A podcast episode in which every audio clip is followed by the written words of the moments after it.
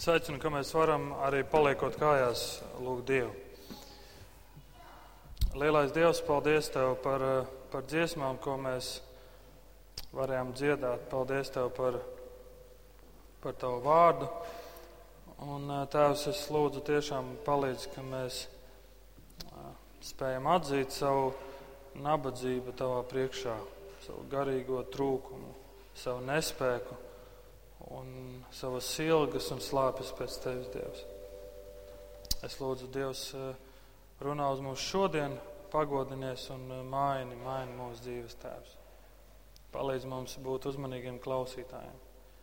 Paldies par Tavu vārdu, paldies, Jēzu, par to, ko Tu esi teicis un ko mēs šodien varam pārdomāt, ielūkoties un skatīties, ko Tu esi teicis lai tavs vārds ir pagodināts. Jēzus tavā vārdā to lūdzam. Āmen. Lūdzu, sēdieties!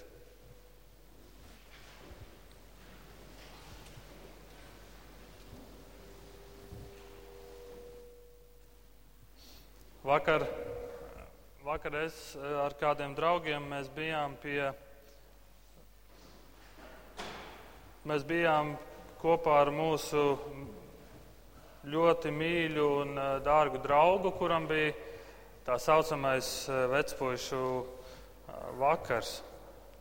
Un, mēs sanācām visi kopā, mēs, mēs labi pavadījām laiku un, un mēs bijām arī sarunās. Un, un parasti tādā, tādā vakarā tu jautā jautājumu, nu, kā tu, jūties, kāzas ir drīz.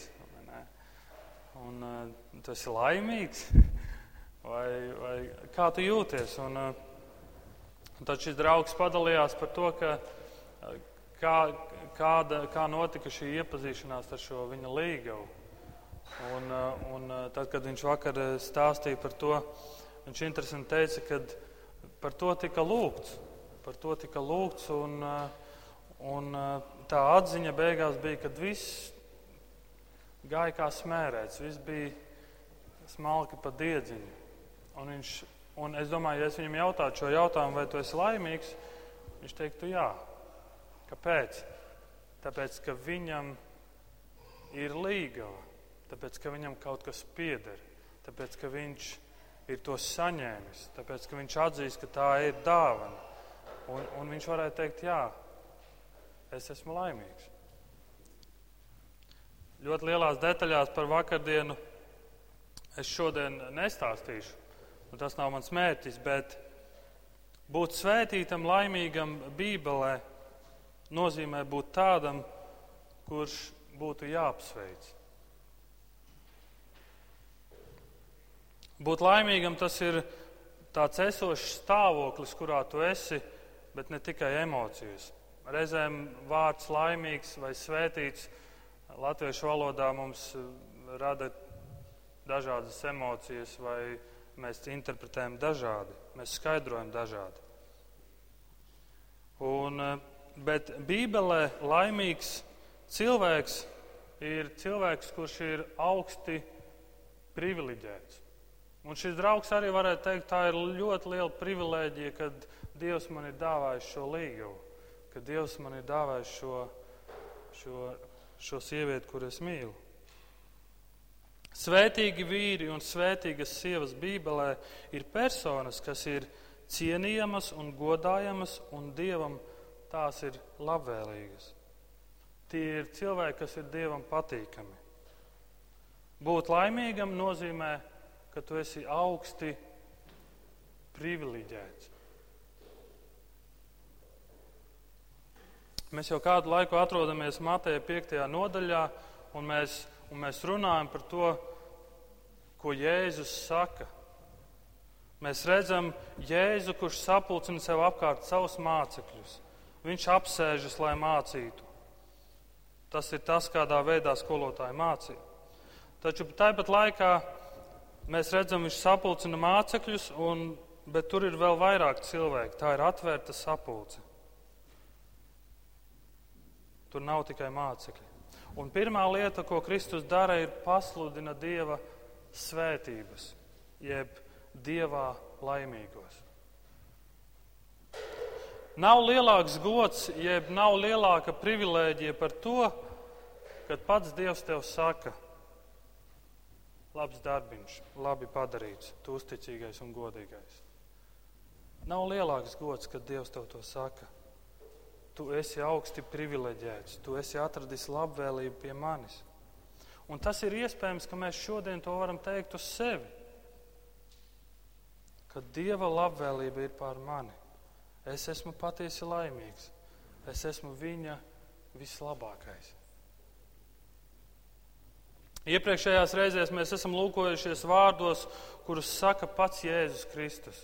Un, un šodien, gatavojoties, es domāju, tos vārdus saka Jēzus. Un, un cik svarīgi būtu tos saprast, ko Jēzus ar to domā. Un Jēzus saka, kuri tad ir tie laimīgie? Kādi tie ir? Vai tu iekļaujies šajā kategorijā, vai tu esi laimīgs? Svarīgi ir ieraudzīt un saprast, ka te runa nav par dažādām cilvēku grupām. Viena cilvēku grupa, nu viņi ir lēnprātīgi, vai otri, kur ir garā nabagi, tad jau viņi iemantos to, vai otra grupa iemantos to. Te nav runa par dažādām cilvēku grupām, kur katrai ir sava noteikta laime vai svētība bet gan to, ka Kristus te runā par to, kādam ir jābūt, jeb kādām lietām jāpiemīt katram, kurš seko Kristum. Tad šeit runa ir par vienu cilvēku. Laimīgs, laimīgs, laimīgs, laimīgs. Kristus runā noteiktā secībā un nedara to netīšām. Laimīgi garā nabagiem, jo tiem pieder debesu valstība. Un iepriekšējās reizēs mēs, mēs par to domājām, ko nozīmē būt garā nabagiem. Un te nav runa par finansiālu trūkumu. Tad jau mēs varētu teikt, ka visi studenti ir laimīgi. Bet te ir runa par nabadzību garā.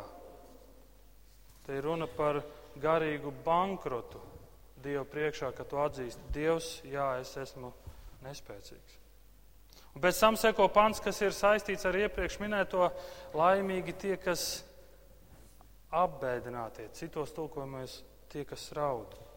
Un Jēzeja 61. nodaļā šo pantu paskaidro, ka tas nav par sērām, par saviem mīļajiem, kurus mēs esam zaudējuši, bet par grēku, par kuru mēs raudam. Un to arī mēs esam aplūkojuši, un šo, to, mēs, to mēs varam dzirdēt. To jūs varat dzirdēt mūsu mājaslapā, ja jūs to nesat dzirdējuši. Un pagājušā svētdienā mēs domājam par lēnprātīgajiem. Tie, kas no jums bija, noteikti atcerās. Tiem, kas uz sevi spēja lūkoties tik patiesi, ka spēja atzīt, ka viņiem nav nekādas dievišķās tiesības. Lēnprātīgie nav tie, kas nāk Dievu priekšā un pasludina savu nevainību. Tie nāk Dieva priekšā un saka, ka nav nekā tāda, manās rokās, ko es spēju tev dot. Vienkārši un kails nāku tavā priekšā. Laimīgi, lēnprātīgi. Pravietis Jeseja dieva nākšanu uz šo zemi skaidro kā krāšņu, skaistu svētību, laimi. Iedomājieties, ja tu jautātu savam kaimiņam vai kolēģim vai draugam, un tu viņam jautātu, tad, kad Dievs nāks, kā Jēzē to skaidro, kuru cilvēku, ja personu tu uzskatītu par augsti privileģētu Dieva priekšā tajā dienā, kad viņš nāks? Kura būtu tā persona, kura būtu tā laimīgā, jeb augsti privileģētā? Ko viņi atbildētu? Laimīgi tie, kas pieder kādai konkrētai konfesijai, vai augsti privileģētas būtu mūķenes un mūki, vai arī tie, kas ir devuši daudz labdarībai, tie, kas ir daudz ziedojuši? Kuri būtu tie augsti privileģētie, kuri būtu tie augsti laimīgie? Kristus saka, ka laimīgi tie, kas nāk Dieva priekšā garīgi bankrotējuši un ilgojas un slāpst un ir izsalkuši pēc taisnības. Tu esi Dievam patīkams un privileģēts, ja esi tas, kurš ir izsalcis un izslāpis pēc taisnības, kuru Dievs vien var dot. Un to vien var dot Dievs. Mātēja 5. nodaļa, 6. pants, pants, par kuru mēs šodien domājam. Svētīgi izsalkušie un izslāpušie pēc taisnības, jo tie tiks pāēdināti. Atvainojiet, es lasīju veco tulkojumu. Jaunais tulkojums ir laimīgi izsalkušie. Laimīgs tu esi. Ja katrs vīrietis un sieviete šajā pasaulē zinātu, ko tas nozīmē būt izsalkušam un izslāpušam pēc taisnības, tad uz šīs pasaules vairs nebūtu kara draudu. Un vispārējie risinājumi, kas šodien tiek piedāvāti, mēs joprojām redzam, tie nenostrādā. Laimīgi izsalkušie un izslāpušie pēc taisnības. Taisnība. Tie ir vienīgie patiesi laimīgie, kas izsalkuši un izslāpuši pēc taisnības. Tie ir vienīgie patiesie laimīgie. Un mēs redzam, ka mums nav šaubu, ka šodien visa pasaule slāpst un dzenas pēc iespējas būt laimīgiem. Paceliet roku, kurš no jums nevēlas būt laimīgs. Paceliet roku, kurš no jums nedzenas pēc tā, jeb nedara visu, lai būtu laimīgs. Mūsu aktivitātes ikdienā uz ko tās ir vērstas, kas ir mērķis. Un pasaulē grib būt laimīga. Ik viens taču vēlas būt laimīgs, vai ne? Un aiz katras mūsu rīcības slēpjas šis motīvs. Es gribu būt laimīgs. Es gribu būt laimīgs. Bet šīs pasaules traģēdija ir tā, ka lai cik ļoti ik viens tiecas un ilgojas pēc šīs laimes, neviens to nespēja atrast. Kas tad ir pie vainas? Kāpēc ir tā? Tas, ka nav saprasts tas, ko Krist, ko, ko Kristus saka par laimi. Mēs neesam to sapratuši. Viņš nesaka, lai mēs dzītos pēc laimes vai svētībām. Viņš nesaka, dzēnies pēc laimes, dzēnies pēc svētībām. Bībele mums rāda, ka laime nekad nav tā, uz kuru tieši jālūkojas, pēc kuras tieši jāatzinas. Laime vienmēr seko kaut kā cita meklēšanas rezultātā. Laime vienmēr seko kaut kā cita meklēšanas rezultātā. Un pasaule meklē laimi. Mēs nospraužam mērķi būt laimīgs, laimīgiem. Mēs nospraužam uzdevumus, kā mēs varam kļūt laimīgi, bet pasaule to neatrod. Un neatrod tāpēc, ka jebkur, kur laime tiek nolikta augstāk par taisnību, tā cieši neveiksmi. Un šī ir lielā Bībeles vēsts no paša sākuma līdz beigām. Tikai tie, kas augst un slāpst pēc taisnības, ir laimīgi. Ko nozīmē šī taisnība? Ko nozīmē šī taisnība, pēc kuras mums būtu jāaugst? pēc kuras mums būtu jātiec. Tā nenozīmē vispārēju taisnību, par ko šodien mēs tik daudz dzirdam, vai morāles normu ievērošanu. Tas, protams, viss būtu labi un jauki, un ja mēs to dzirdētu vairāk ziņās, to kā politikā lietas notiek daudz godīgāk. Bet šī taisnība nav, bet Kristus nerunā par šādu veidu taisnību. Pāvils vēstulē romiešiem runā par taisnošanu ar Dievu caur ticību. Un Pāvils saka, ka mēs tiekam taisnoti caur ticību. Bet mūsu šodienas pantā tas nozīmē kaut ko vairāk. Ne tikai taisnošanu, bet arī tīrīšanu, šķīstīšanu. Citiem vārdiem sakot, ilgas pēc taisnības nozīmē vēlmi būt brīvam no grēka visās tā formās. Tātad, ja cilvēks ilgojas pēc taisnības, viņš ilgojas un saka, es gribu būt brīvs no tā grēka, kas ir manī. Un visās tā formās. Es gribu būt brīvs. Tātad es vēlos būt brīvs no grēka.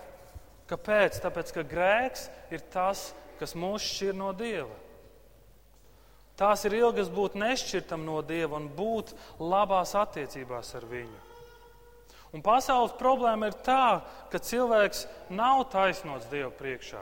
Šīs attiecības nav sakārtotas. Un līdz ar to veidojas tāda ķēdes reakcija, ka arī visas citas lietas tiek ietekmētas. Un mēs esam tur, kur mēs esam. Kad mēs esam sapratuši, ko nozīmē būt garā nabagam, un raudāt par grēku, mēs dabiskā veidā nonākam pie stāvokļa, kurā mēs ilgojamies būt brīvi no grēka varas. Vai, vai tu pamani šo saiti, šo ķēdīti, ko mēs runājām iepriekšējās reizes? Kā tas viss viens otru ietekmē? Garā nabaks, tu raudi, tu kļūsti lēnprātīgs un tu ilgojies kļūt brīvs no grēka, tu ilgojies būt taisnots ar Dievu, tu ilgojies pēc šīm, pēc šīm attiecībām ar Dievu, ka tu esi labs, labvēlīgs Dieva priekšā. Alkt un slāpt pēc taisnības ir vēlēties būt brīvam no paša sevis, no visa tā ļaunā, kas mēs esam. Lēnprātīgs cilvēks ilgojas tāds būt būt brīvs no sevis, no tām izpausmēm, ko sauc par lepnumu, lielīšanos, iedomu par to, ka visi ir pret tevi. Vienmēr sevis aizstāvēšana un sevis slavēšana, sevis žēlošana. Alkt un slāpt pēc taisnības ir ilgoties būt jaunās derības cilvēkam. Jauns radījums Kristu Jēzu.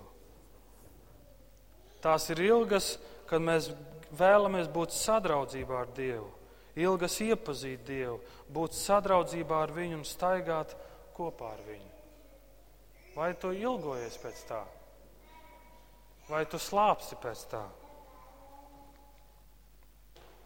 Pirmā Jāņa vēstulē, pirmajā nodaļā, trešajā pantā ir sacīti šādi vārdi.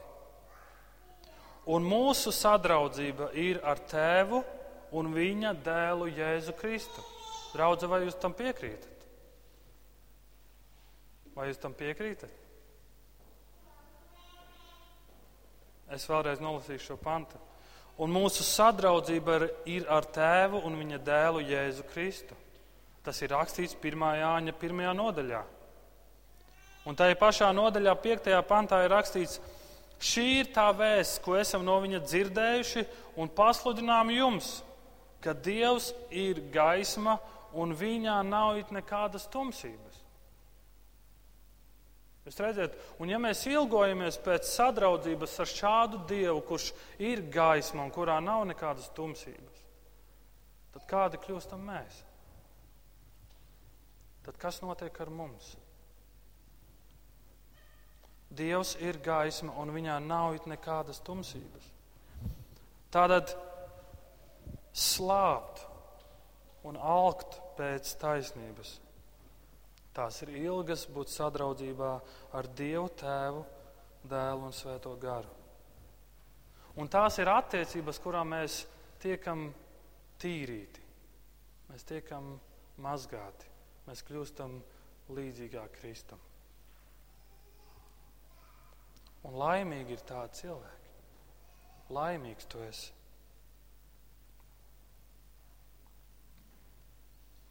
Laimīgi izsalkušie un izslāpušie pēc taisnības, jo tie tiks pārēdināti. Laimīgi tie, kas ilgojas pēc taisnas tiesas un šķīstas un tīras dzīvošanas.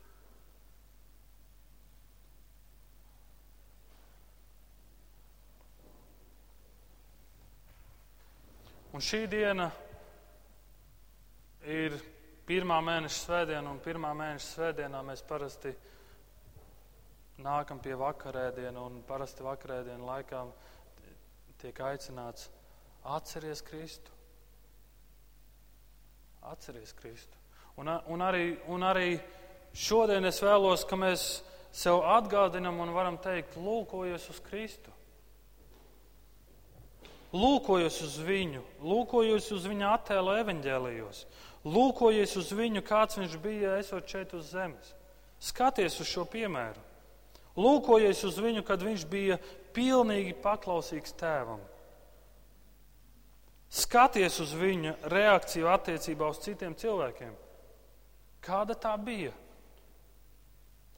Skaties uz viņa laipnību, līdzjūtību, viņa jutīgo dabu, lūkojies uz viņa reakciju pret ienaidniekiem un visu to, ko viņi nodarīja Kristum. Skaties uz šo piemēru. Lūk, ir šis attēls. Un gan tu, gan es, balstoties uz jaunās derības doktrīnu, mēs esam no jauna dzimuši un veidoti pēc šīs līdzības, pēc Kristus līdzības, pēc visa tā, ko es iepriekš minēju, lūkojas uz Kristu, kāds viņš bija. Un mēs tiekam veidots jauns radījums pēc šīs līdzības. Laimīgi izsalkušie un izslāpušie pēc taisnības, jo tie tiks pāēdināti. Un šeit ir divi vārdi, ja, ja jūs pamanāt, ir laimīgi izsalkušie un izslāpušie. Ar ko tad asociējas šie vārdi mums? Un es domāju, tie šajā situācijā asociācija varētu būt ļoti pareiza un mums ļoti skaidra. Izsalcis un izslāpis.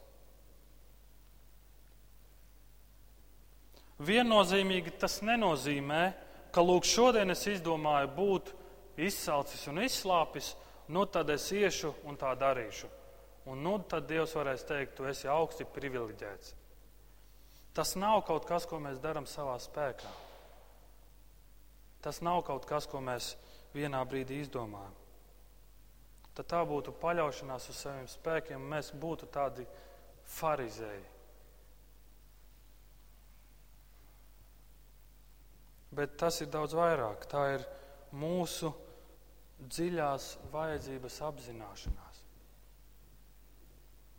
Un joprojām, kad mēs lūkojamies caur šiem garā nabagi, apbēdinātie, lēnprātīgie, tā ir šīs dziļās vajadzības apzināšanās. Tas ir kaut kas, kas turpinās līdz brīdim, kamēr vajadzība tiek apmierināta. Es apzinos šo vajadzību, es apzinos šo trūkumu. Dievs palīdz man.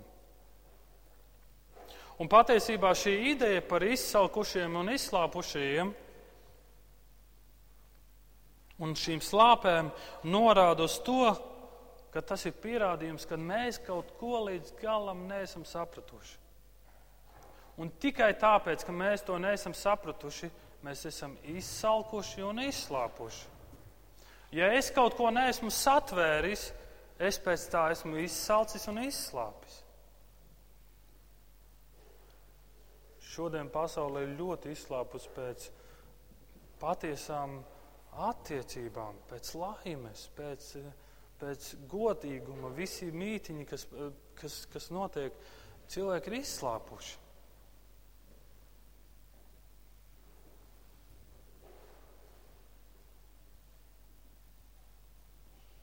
Es neesmu to sapratis, tāpēc es arī ilgojos un slāpstu. Tas ir tāpat kā ar zīdaini. Pirmie astoņi, pirmais gadiņš, kā viņš liek saprast, ka viņš ir izsalcis un izslāpis. Viņš kliedz. Viņš kliedz. Viņš apzinās savu badu, tāpēc viņš kliedz. Šis zīdainis ilgojās pēc, pēc ēdiena, jo viņš ir izsalcis.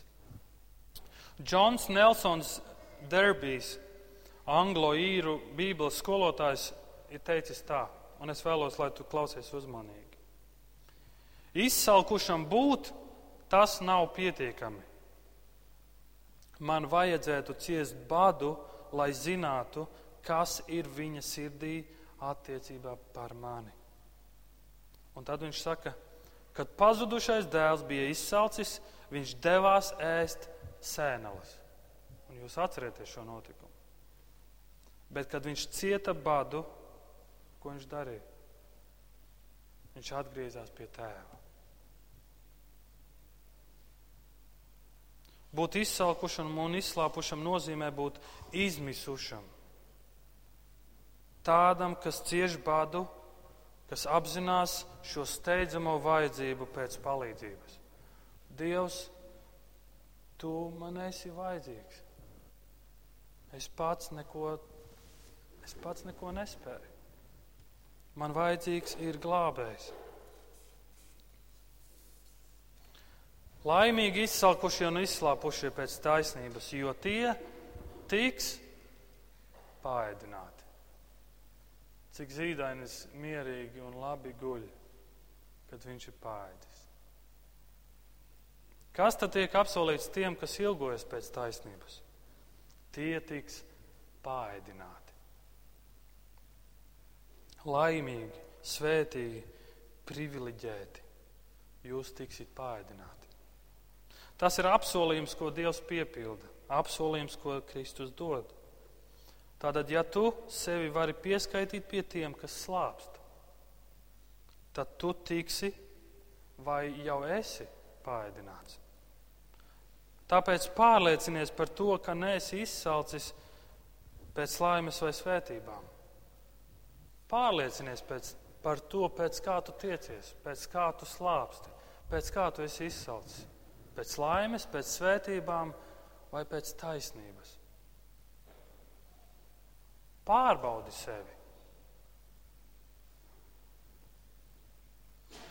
Kas ir pēdējā reize, kad tu sevi, jeb savu dzīvi, esi tā pārbaudījis, tā godīgi? Cik bieži tu to dari? Un mūsdienu pasaules problēma ir tā, ka pasaule sniedz tādu parasti piedāvā tādu vieglu risinājumu. Tev sāp, nu tad es tev iedošu zāles, kas tās sāpes noņem. Pasaule neiedziļināsies tajā, kas ir sāpes cēlonis, kāpēc šīs sāpes ir. Un patiesībā tas ir slikts doktors. Ja tu aizej pie doktora un saki, man sāp, doktors tas nebūtu labs doktors, kurš vienkārši teiktu, šeit zāles šīs noņems sāpes. Bet labs doktors viņš noteikti mēģinātu saprast, kas ir cēlonis, kāpēc tev sāp. Un redziet, šie šeit ir šī pasaules problēma. Mēs nemeklējam cēloni, bet mēs dodam vieglu risinājumu. Lūk, tev vairs nesāpēs. Lūk, esi laimīgs. Dzenies pēc tā.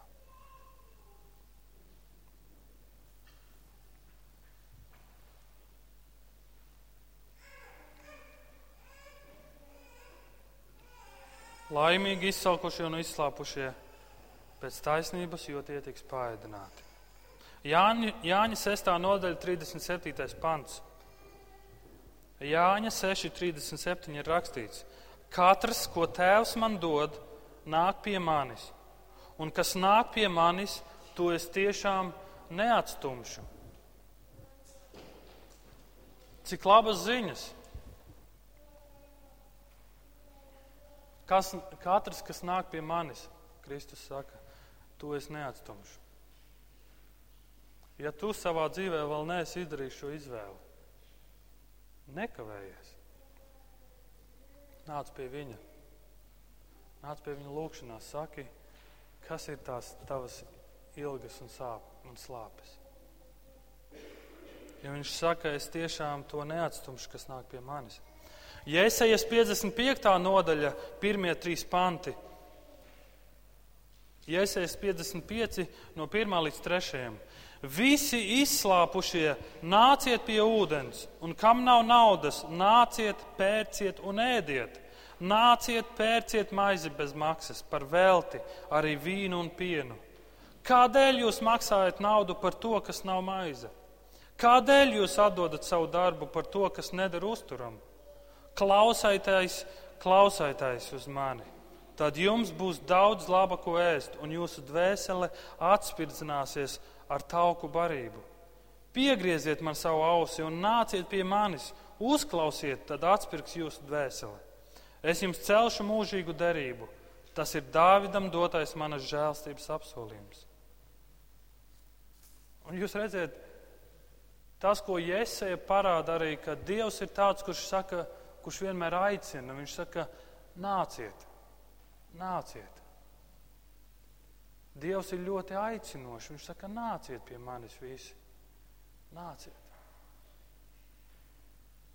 Nāc pie manis uz mājām, uz kādu tējas krūzi. Droši nāc, un mēs sēdēsim pie viena galda, un es te uztaisīšu maizītes, un mēs labi pavadīsim laiku. Dievs mūs aicina arī personiski. Viņš saka, nāc pie manis. Es gribu tevi mierināt, es gribu tevi pāēdināt.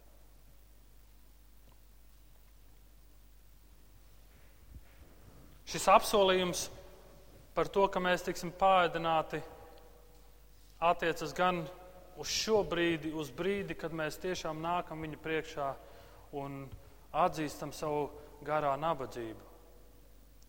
Un tūlīt tas notiek. Mēs tiekam pāēdināti. Bet tas at, arī attiecas uz, uz tādu nākotni, ka mēs kā kristieši mēs gaidām, kad mēs reiz satiksim Jēzu Kristu, reiz tiksimies ar, ar Jēzu. Un tad mēs tiksim mierināti, pāēdināti.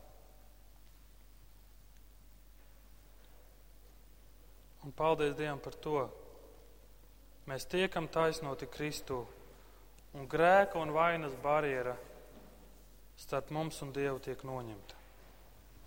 Ja tu patiešām tici Jēzum Kristum, ja tu tici, ka pie tā krusta viņš mīra tevis un tavu grēku dēļ, tad tev ir piedots ja tu tici.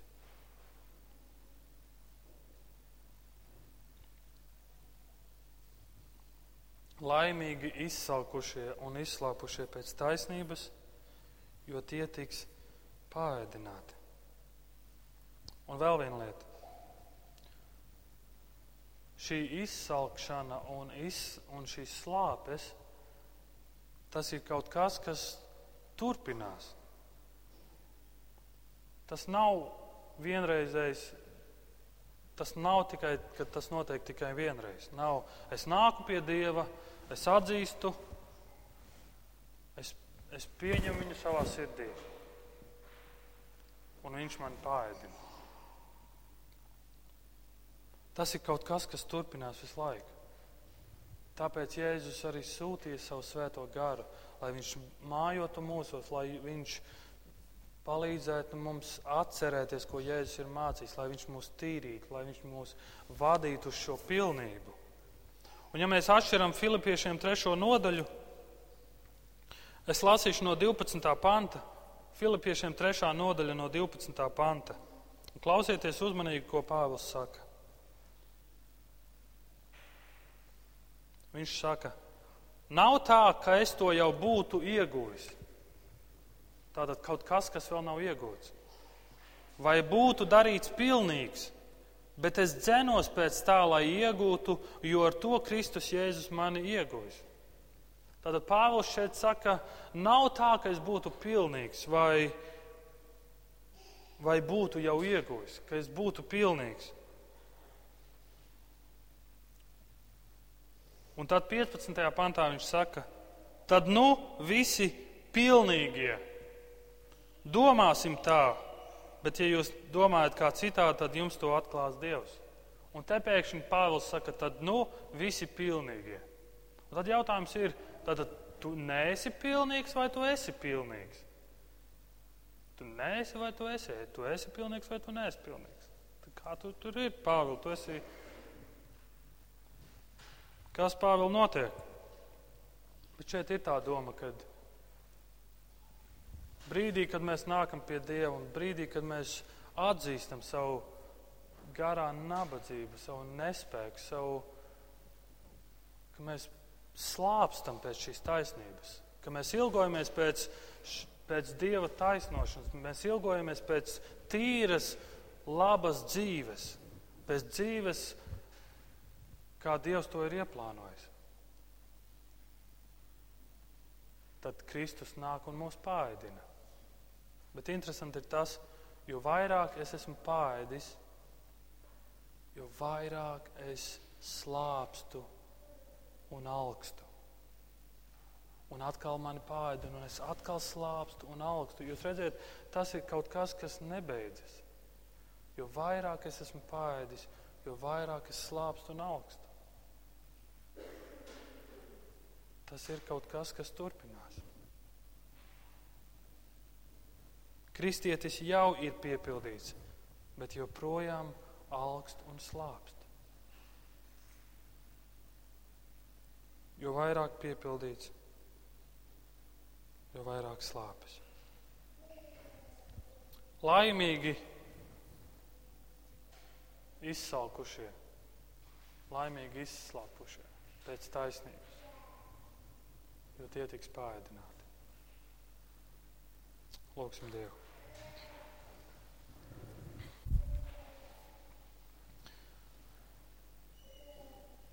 Jēzu Kristu, es pateicos par Tavu vārdu, es pateicos par to, ko Tu mums atklāji un māci. Un, uh, Kristu palīdz mums, ka mēs esam tie izsalkušie un izslāpušie pēc taisnības. Ka mēs slāpes pēc taisnības liekam augstāk nekā slāpes pēc laimes un svētībām. Kristu palīdz, ka mēs tā no sirds un patiesi vēlamies būt laimīgi. Palīdz mums. Lūdzu, svētī mūs. Paldies par to vārdu, un es lūdzu, palīdz, ka mēs esam tie, kas to pārdomā, ka mēs esam drosmīgi jautāt, un ka mēs pārdomājam to dienu un nakti, un ka mēs uzdodam sev šo jautājumu, ka mēs sevi pārbaudam, vai mēs esam laimīgi, vai mēs ietilpstam šajās kategorijās. Vai mēs esam laimīgi? Kristu mēs gribam būt laimīgi. Dod mums šīs slāpes, dod mums šīs alkas, kungs, pēc tevis, pēc godīgas, taisnīgas dzīvošanas. Mēs paļaujamies uz tevi, mēs gaidām uz tevi un mēs lūdzam, mēs atzīstam savu bankrotu tavā priekšā un tā, savu nespēcību. Mēs lūdzam, Nāc un piepildi mūs. Nāc un pāēdini mūs. Tavā vārdā to lūdzam. Āmen.